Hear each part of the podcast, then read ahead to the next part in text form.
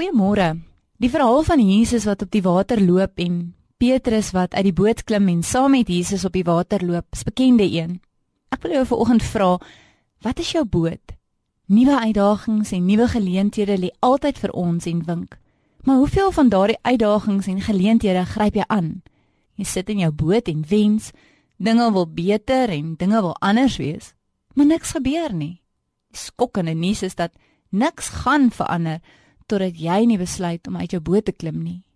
Dis die deel wat ons nie altyd graag wil hoor nie. Ons wil graag hê iemand of dan die Here moet ons uit ons bootjie uittel. Ons wil nie hoor ons moet self verantwoordelikheid vat om uit te klim nie. Wat is die boot waar jy nie wil klim nie? Terwyl Petrus sy oë op Jesus gehad het, kon hy op die water loop.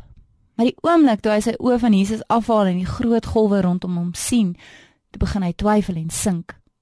Hoekom was Petrus bereid om die kans te vat en uit die boot te klim? Omdat Petrus geloof gehad het dat as Jesus daar in die storm is en hy is daar by hom in die donker, dan sal Jesus hom help. Hoor jy? Maak nie saak hoe moeilik die situasie waarin jy is nie. Jesus is daar om jou uit te help. Maar wat van die ander 11 disippels? Hoekom het hulle nie uitgeklim nie? Ons kan hierdie 11 disippels maklik kritiseer.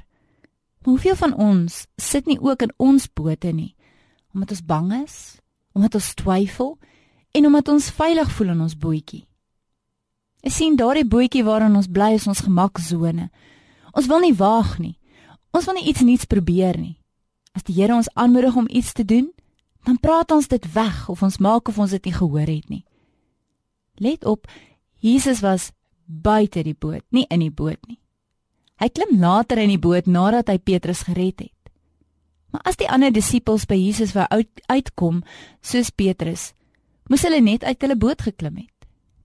Net so om partykeer die seën te ontvang wat die Here vir ons in gedagte het, is dit nodig dat ons partymal uit ons boot klim. Die rykste plek op die aarde is nie die diamantvelde van Suid-Afrika of die olievelde van Saudi-Arabië nie of die minerale rykdom van die dooie see nie. Nie die rykste stukkie grond op hierdie aarde is in jou eie omgewing.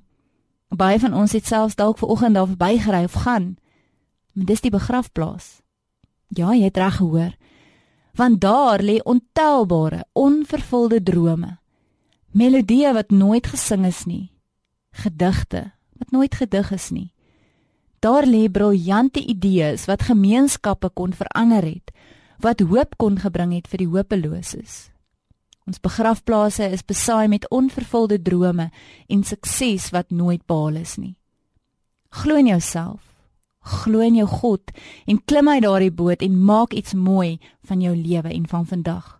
Onthou die lewe is God se geskenk aan jou. Wat jy daarvan maak, is jou geskenk aan God.